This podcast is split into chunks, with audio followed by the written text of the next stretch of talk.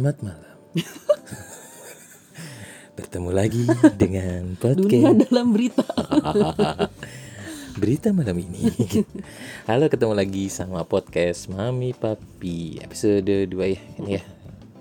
Kita tuh tagnya selalu malam-malam menjelang tengah Kalau malam. ada waktu kalau anak-anak cepet Ya. tidur, alhamdulillah. Meskipun jarang ya. Namanya anak tiga pak bu. Nah di kalau kemarin kita ngalor ngidul ngomel-ngomel soal visi misi ya. Sekarang kita mau ngomel lagi. Kita ngomel dulu ya. Pokoknya cerita ya, Bukan cerita apa. ya apalah terserah. Ah, sekarang kan eh, kayaknya sekarang pas podcast ini direkam udah Januari. Kebanyakan orang udah dapat sekolah belum sih? Udah. Udah dapat ya harusnya apa ya. ya? Kalau ambilnya swa- swasta ya. Mm-mm. Kalau yang negeri mungkin masih jauh Masih sih. jauh ya. Mm-mm. Nah, kayak gitu. Tapi kita mau bahas sendiri sedikit. Kemarin di episode 1 kita bahas sedikit banget tentang visi, kaitan visi misi dan milih sekolah. Mm-mm. Dikit banget. Eh, tapi nah di episode ini kita mau coba detailkan ya me- gimana sih menurut kita mah gitu ya eh, visi misi dan memilih sekolah. S- jadi nggak apa ya tidak memaksakan sesuatu yang tidak cocok sebenarnya. Hmm, ya. Nah, gitu ya. Nah, oke, kita dengerin ya. Nah,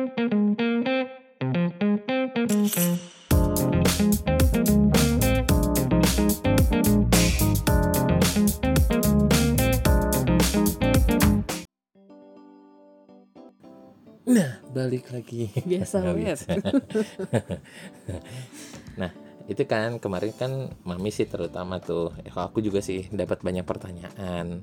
Oh, gue tuh nyari sekolah ke sana sini sana sini susah apa gitu. rekomendasi enggak? Rekomendasi enggak? enggak? Ini makin lama makin bingung ya. Bapak Mm-mm, sekolah macam-macam jadi, gini.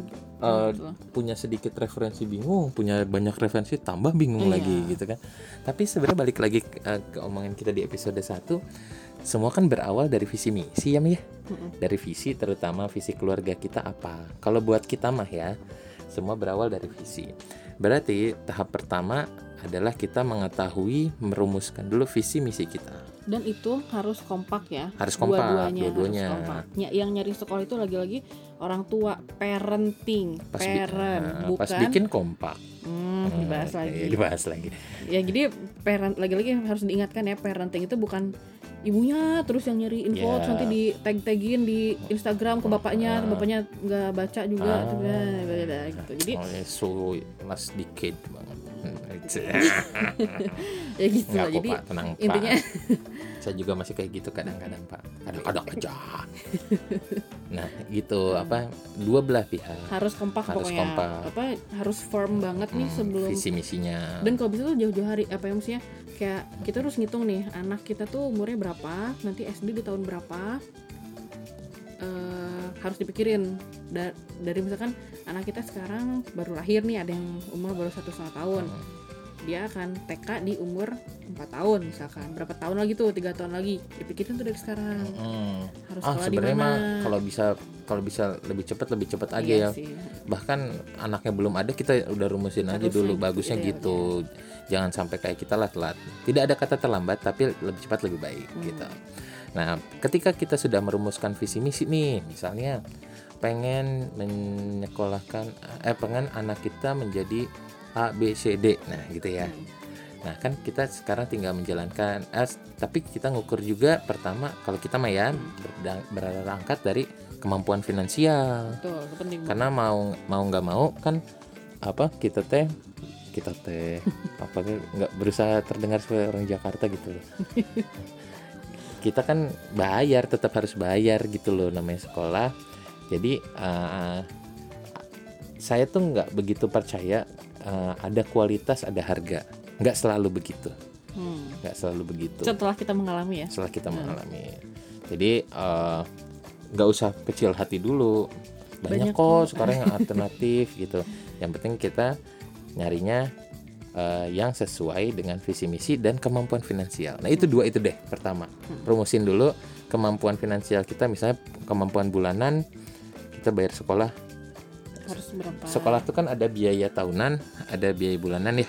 Dan Ada. biaya sehari-hari. Dan biaya sehari-hari. Yang biaya biaya tahunan itu yang pasti uang masuk, uang gedung, seragam, buku. Kalau ada buku paket buku paket. Oh, ada field trip, Field trip, ada- alat KPK gitu ya mm-mm. terus yang kedua ada biaya bulanan ya uang sekolah bulanan jelas. Aduh atau ada yang ekskul misalnya gitu ya nah uang ada uang Nah, catering ah yang makan, catering bulanan jemputan. kalau ada lagi uang yang harian harian itu misalnya kita sebagai ortu antar jemput kan ada bensinnya Nah, itu tuh. Uh, ongkos ongkosnya berapa gitu Ong- antar jemput makan misalnya terus apalah ongkos-ongkos lain lah misalnya gitu ya nah Kita itu juga kita harus ngitung itu. sampai sedetail itu Karena itu yang akan kita bayar. berapa mampunya kita nah karena nah itu udah Kalau udah dua dapet, itu nih dua Dua. itu kebanyakan orang ini ya ini ya eh, kayak membabi buta gitu ya. Nah, membabi buta ya. jadi metode apa ya yang aku lihat ya. Salah besar. Apa sih? Enggak ya. nggak salah juga mungkin nggak tahu aja kali ya. Belum jadi dapet kita aja. tahu. Taunya setelah mengalami. Oh berarti kemarin kita lakukan itu trial salah. and error. Gitu jadi eh, kebanyakan nggak kebanyakan ya beberapa yang saya lihat itu kayak eh, datang ke sekolah ke, ke SD ini ke SD itu ke situ ke banyak banget.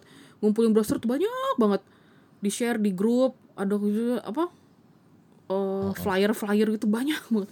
Gila itu dia udah dapat ke udah keliling. Terus Heeh. pas saya tanya jadinya mau ke sekolah mana? Nggak tahu bingung banget. Lah waste of time banget Ah, gitu kan waste iya. of energy Nah, buat apa gitu banyak data malah jadi pusing gitu Nah, kan kalau sekolah sekarang nih kayak info-info udah banyak bertebaran, terutama Hmm. tentang biaya nih, ya tentang biaya. Jadi itu secara finansial kita udah lebih gampang tuh. Misalnya eh, kalau kalau buat aku tuh nggak gitu. nggak ter nggak nggak harus membabi buta. Kita cari dulu misalnya eh yang paling gampang kali meh infonya gampang didapatkan harganya dulu tuh Hmm. dari sisi finansial dulu. Oke, kita pilih nih mana Iya, yang masuk kalau- secara jadi finansial. kalau udah da- udah kita udah firm sama si visi misi dan kemampuan finansial pemetaan finansial kita kita tuh jadi gampang banget buat seleksi Gini, em, gimana tipsnya? Eh, kita kan punya visi nih Hmm. A, B, C, D. Gim- nanyanya gimana sih ke sekolah biar sekolah eh, biar apa? Biar kita tahu oh ini tuh jodoh apa bukan jodoh Iya, cocok benar. nih eh, sama sekolah.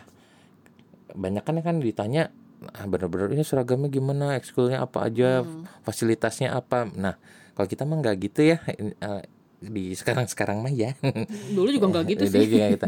Jadi gimana cara belajarnya, gimana proses KBM, gimana proses sampai penilaian anak gitu Iya, kan. eh, itu sebenarnya kalau mau dirunut ya, kalau mau lebih sistematis lagi, eh, berarti kan visi misi, kemampuan finansial. Nah, kalau kita udah punya dua itu, eh, kita tinggal searching aja gitu kayak apa namanya? eh, kira-kira eh, apa ya? Ada sekolah-sekolah yang menurut kita nih kayak kata orang sih ya, ini bagus ya kata gitu. Terus pas lihat harganya eh nggak cocok sama dompet, oh, udah oke, apa next gitu di di jangan skip. sampai pinjaman online gitu. Ya, jadi ini harus ngukur dulu. Oh, berarti kan kayak ke seleksi sendiri gitu loh. Kalau kita udah punya visi misi dan ke pemetaan finans finansial dengan sendirinya tuh kan ke seleksi. Oh, jadi Hmm, kayak ngaktifin filter gitu. ah, ah, gitu. Oh, udah berarti tinggal kita nggak akan kebingungan, nggak sebingung itu search gitu. result nah, kayak di Google kan. Jadi apa namanya? eh, akhirnya ketemu sendiri gitu kayak ada beberapa calon lah kira-kira yang sesuai visi misi dan sesuai budget. Tapi nggak enggak, semuanya itu tadi kayak yang gitu aku kan. tanyain. Kalau visi misi itu nanyanya dari gimana mana? Nah, itu gitu. setelahnya. Jadi kayak misalkan lihat dulu harga nih, harga cocok nggak nih? Iya, harga kan paling gampang tuh infonya dan kan karena numerik kita udah langsung bisa pilih. Oke, Tapi kalau menyesuaikan visi misi kan itu bukan sesuatu yang mudah, perlu ngobrol lebih detail. Nah, Ya, biasanya apa survei. aja? Nah, surveinya apa aja tuh yang ditanya tuh Eh, biasanya? jadi gini, kebanyakan apa? Lagi-lagi yang saya lihat ya gitu. Datang survei itu kepala kita tuh kayak kepala orang tua tuh kosong. Jadi datang maksudnya gimana ya? Dia tuh nggak tahu apa yang mau ditanyain. Kelontang, kelontang gitu kan ya. Jadi kayak nggak tahu apa yang mau ditanyain gitu. Jadi cuman yang ditanya cuman biaya doang gitu. Apa rincian biaya doang. Fasilitas, lihat Oh gedung. gitu. Eh bagus. Sekolahnya ada Kolam eskalator enggak gitu. Heeh, ada lift, kursinya dari emas atau enggak kayak gitu. Ada apa? Lapangan terbang ya, pribadi. gitu. Jadi apa namanya? Joknya disambut dong gimana sih Eh, lanjut lanjut lanjut. ya jadi tadi tuh gimana? Gimana sih? Jokesnya? Oh, apa jangan eh, hanya fasilitas gitu loh. begitu jadi pas kita datang ke sekolah yang sesuai budget ini dan katanya bagus ya kan kita baru katanya ya kan belum ditanya. Nah yang katanya bagus dan sesuai budget jadi kita datengin baru tuh survei tanya eh cara belajarnya gimana sesuai nggak sama eh, apa eh, kayak gaya kita eh, apa ya sama sama visi misi kita nggak gitu terus anak-anak eh, ada PR nggak gitu misalkan PR-nya sebanyak apa cara belajarnya gimana dinilai anak apa anak-anak tuh dinilai itu kayak gimana sih apa dinilai itu tuh Angka doang. Angka doang, Pokoknya ulangannya segini di rapot kayak di rata-rata gitu. ada ranking atau enggak Kuantitatif. Hmm. terus kayak misalkan ada buat kita ya buat kami gitu eh pelajaran seni itu penting ada sekolah yang tidak memen, apa ya, menganggap itu tidak penting oh, berarti nggak cocok sama kita kayak gitu terus kayak misalkan kalau apa Ini sih soal penilaian. Uh, mungkin lebih didetailin lagi. Kalau kita salah satu visinya adalah nggak pengen anak kita tuh dinilai dari nilai doang, dari angka ya dari angka doang gitu. Kalau kita pengennya dinilai juga perkembangannya progres. Jadi angka itu kita uh, kalau saya anggap terlalu final dan terlalu generalisasi gitu jadinya ya. Terlalu menggampangkan proses yang se- proses belajar yang sebenarnya panjang. Hmm, karena anak itu value-nya tuh more than Ya, numbers more than gitu. numbers. Nah, eh, kalau kita alhamdulillah dapat sekolah itu eh, salah satu pemilihannya karena mereka punya rapot yang menuliskan hal-hal kualitatif ya. Iya. Sudah bisa A B C D bisa dibantu tanpa bantuan. bahkan tidak men- mencantumkan angka sama sekali Ya, gitu. Tidak ada angka, tidak ada ranking. Ya. Nah, itu berangkat dari salah satu visi misi kita, eh, visi kita bahwa kita nggak pengen anak dinilai seperti itu. Itu berdasarkan dari saya sih sebenarnya. Saya kecil tuh kayaknya hidup tuh penuh dengan target sampai sekarang sih. targetnya Ta- angka targetnya gitu ya. angka gitu. Jadi kalau nggak ranking tuh dimarahin gitu. Kalau nggak jadi ya kan? Oke oke. Ya gitu. Saya nggak pengen sih anak-anak jadi kayak gitu. Dan, dan eh, sebenarnya eh, dari pengalaman dan cerita-cerita mami ngajar juga sebenarnya ada anak yang secara mungkin kalau dinilai secara numerik itu ancur-ancuran tapi dia punya kemampuan lain yang sebenarnya nggak bisa tercakup pakai angka Iya, gitu loh. Jadi ini disclaimer dulu ya, eh, eh, bukan disclaimer, apa cerita dulu lah. Jadi saya tuh basicnya sebenarnya pendidikan, pernah ngajar juga eh tatarannya di apa sekolah SMP setara SMP SMA lah gitu dulu. Dari apa ya? SMK juga pernah ya? Oh SMK juga pernah. Jadi apa ya? eh si pengalaman-pengalaman mengajar apa mengajar eh, pengalaman menjadi guru itu juga jadi latar belakang saya dalam mencari sekolah. Hmm. kayak gitu. Jadi soal penilaian lagi-lagi ya. Eh melihat apa eh, kalau ingat lagi zaman dulu saya ngajar gitu banyak murid-murid yang eh dulu saya mungkin apa ya, jadi curhat. Tuh yang Itu yang to them to realize bahwa eh, anak yang pintar itu adalah anak yang nilai mata pelajarannya bagus. Karena kan kita dari kecil diajarinnya begitu. Eh, dan saya juga taunya begitu dulu ya dulu. Kalau fisikanya jelek, ah Berarti- kamu tidak punya masa depan. Iya, gitu. Nyaklah kamu dari dunia ini. Mau jadi apa kamu gitu. Eh ternyata pas sudah eh, sekarang gitu saya lihat di Instagramnya gitu, yang dulu dulu nilainya tuh nggak jelas semua. Kayak kok dulu tuh kalau dipikir ini anak udah gedenya jadi apa nih kayak begini banget hidupnya gitu kan. Eh taunya pas udah gede hidup-hidup aja bagus-bagus aja. Keren-keren aja. Heeh, gitu. Jadi eh Ada apa ya? yang jadi ini kan ya, jadi juru masak. Eh, ini yang Ya, ada yang kayak gitu. ahli Jadi kuliner. macam-macam lah. Jadi itu kan ahli kuliner ke- nggak ada dokter tuh. gigi. Oh, dokter gigi ya. yang gak kebayang sebelumnya. Jadi intinya apa ya? Dari dari cerita itu tuh, dari pengalaman itu saya jadi mikir eh saya dulu salah banget tuh nilai anak, nilai murid saya itu dari angka. Dia gak bisa soal ini, gak bisa soal itu, nilainya jelek, oh, berarti nggak berarti nggak bener nih orang ma- masa depannya tuh nggak ada gitu. Itu tuh salah banget gitu. Ternyata eh, apa ya? Harusnya saya tuh jadi guru tuh waktu itu explore lagi eh, apa ya? gali lagi lebih dalam. Mereka tuh sukanya apa sih? Apa yang harus alih-alih menyibuk apa ya? Alih-alih bikin mereka eh, nilainya bagus di sesuatu yang gak suka lebih baik nyape nyapein diri ya, atau atau berkonsentrasi menyibukkan diri di sesuatu yang bisa menaikkan mereka Iya. kayak gitu loh. Betul. Nah jadi itulah yang mendasarkan kami nyari sekolah tuh yang kayak gitu Ya. gitu jadi nggak sibuk apa ya kalau an- ada anak misalkan yang nggak suka satu hal misalkan gitu ya ya udah sih yang yang dia suka apa pasti ada yang dia suka kan Ya. ya udah itu yang itu aja yang kamu capek di situ aja deh nggak usah capek-capek kayak misalkan gini ad- ada anak yang eh, nilai fisikanya jelek orang tuanya kira-kira ngasih les eh, dia sukanya musik misalkan kira-kira anak kalau orang tua zaman dulu eh, zaman dulu gitu Hmm. anak itu akan dikasih les apa les fisika les musik Les fisika lah. Iya kan, dia nggak suka padahal, dia sukanya musik. Nah harusnya eh, apa ya, si mindset itu tuh diganti.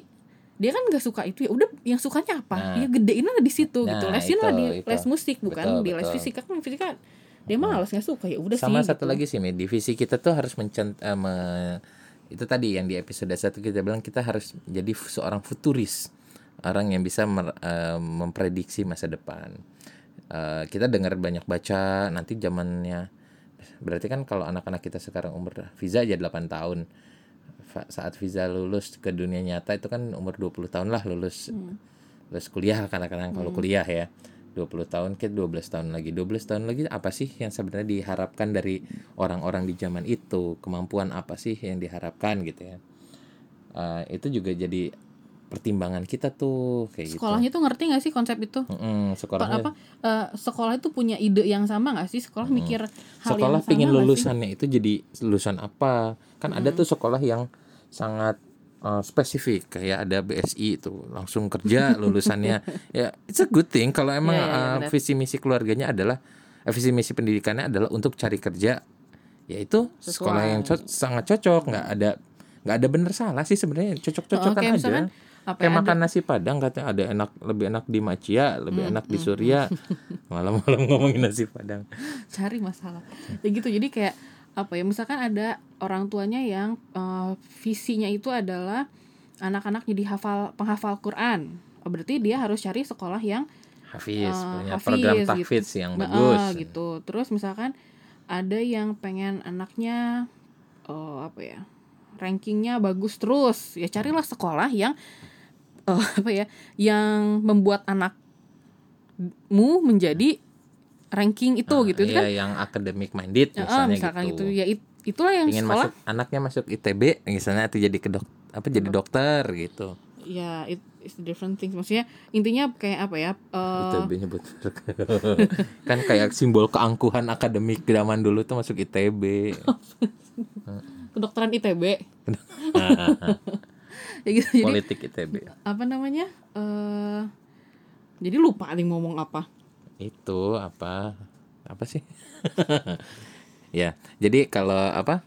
Sampai mana sih tadi gue jadi oh ini yang Oh, Hafiz iya, Quran itu jadi Quran. intinya tuh nggak ada apa ya eh, nggak ada sekolah tuh yang bagus tuh kayak gini yang jelek tuh kayak gini lagi-lagi balik ke Sesuai. orang tuanya gitu orang tuanya tuh visinya apa mau jadi hafiz Quran ya masuklah sekolah hafiz Quran yang katanya bagus dan cocok sama kantong pengen jadi yang akademisi ya berarti cari sekolah eh, yang begitu kalau pengen cari sekolah yang anak saya tuh nggak dinilai angka ya carilah sekolah yang kayak gitu Hmm, kayak jadi gitu. pas ketemu sama orang sekolahnya gitu Tanyain lah, Tanya apakah itu, begitu? heeh, gitu Mm-mm. ini bener gak nih sekolah apa eh, kalau ngajarin eh, hafalan Quran di sini gimana terus nilainya ngajarin gimana hafalan Quran kan juga macam-macam ya ada yang sama tafsirnya ada yang literally apa si hafalan aja hafalan terus aja apa, gitu. lulusannya gimana nah itu tuh itu bisa ditanyain tuh ke sekolah-sekolah misalkan Mm. kalau yang academic minded misalkan eh, apa namanya? Berapa lulus- persen masuk perguruan tinggi negeri Ya, atau berapa gitu. persen?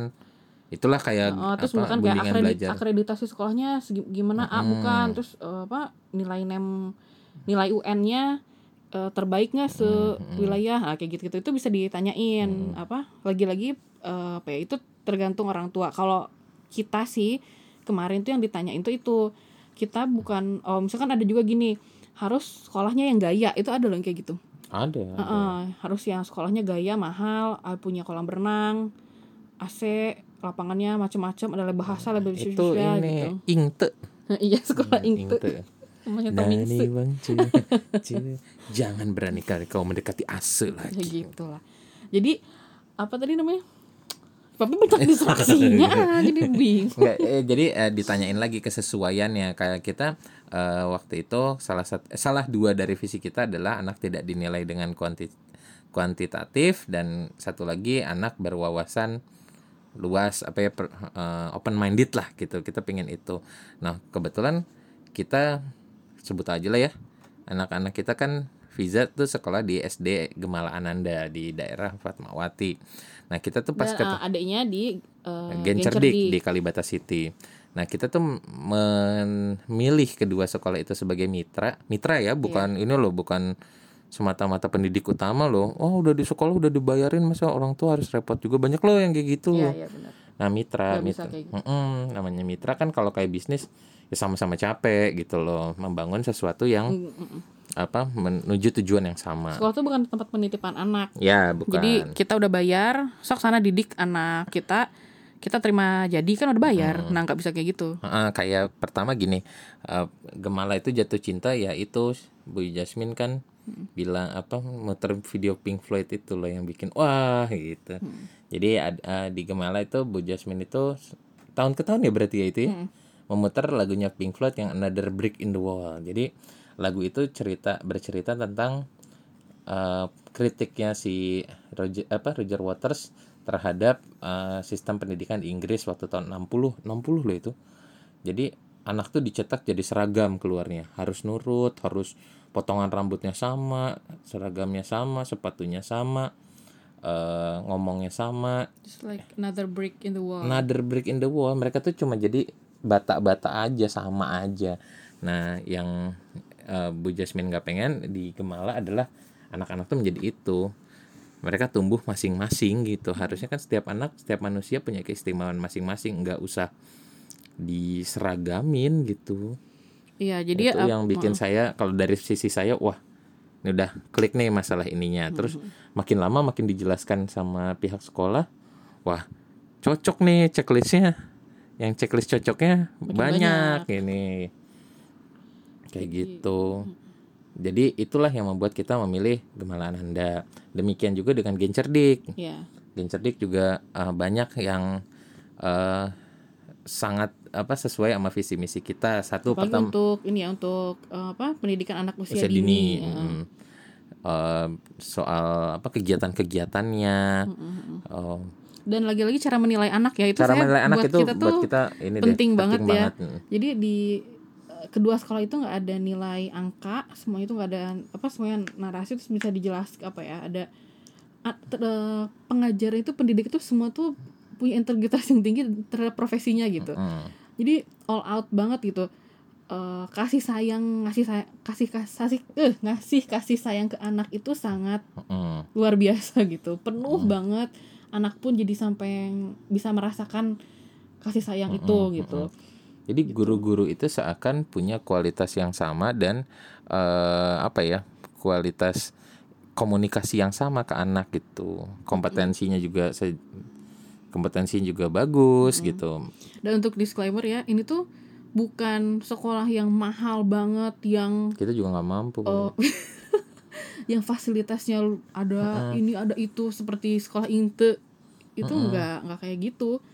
Jadi maksud eh, apa ya pesan yang pengen aku omongin itu adalah ada sekolah yang eh, apa ya terjangkau tapi bergizi jangan lihat bungkusnya Tapi lihat isinya. tapi lihat isinya itu bergizi banget full pack of positive energy Tapi gini dan gini gini, gitu. ah.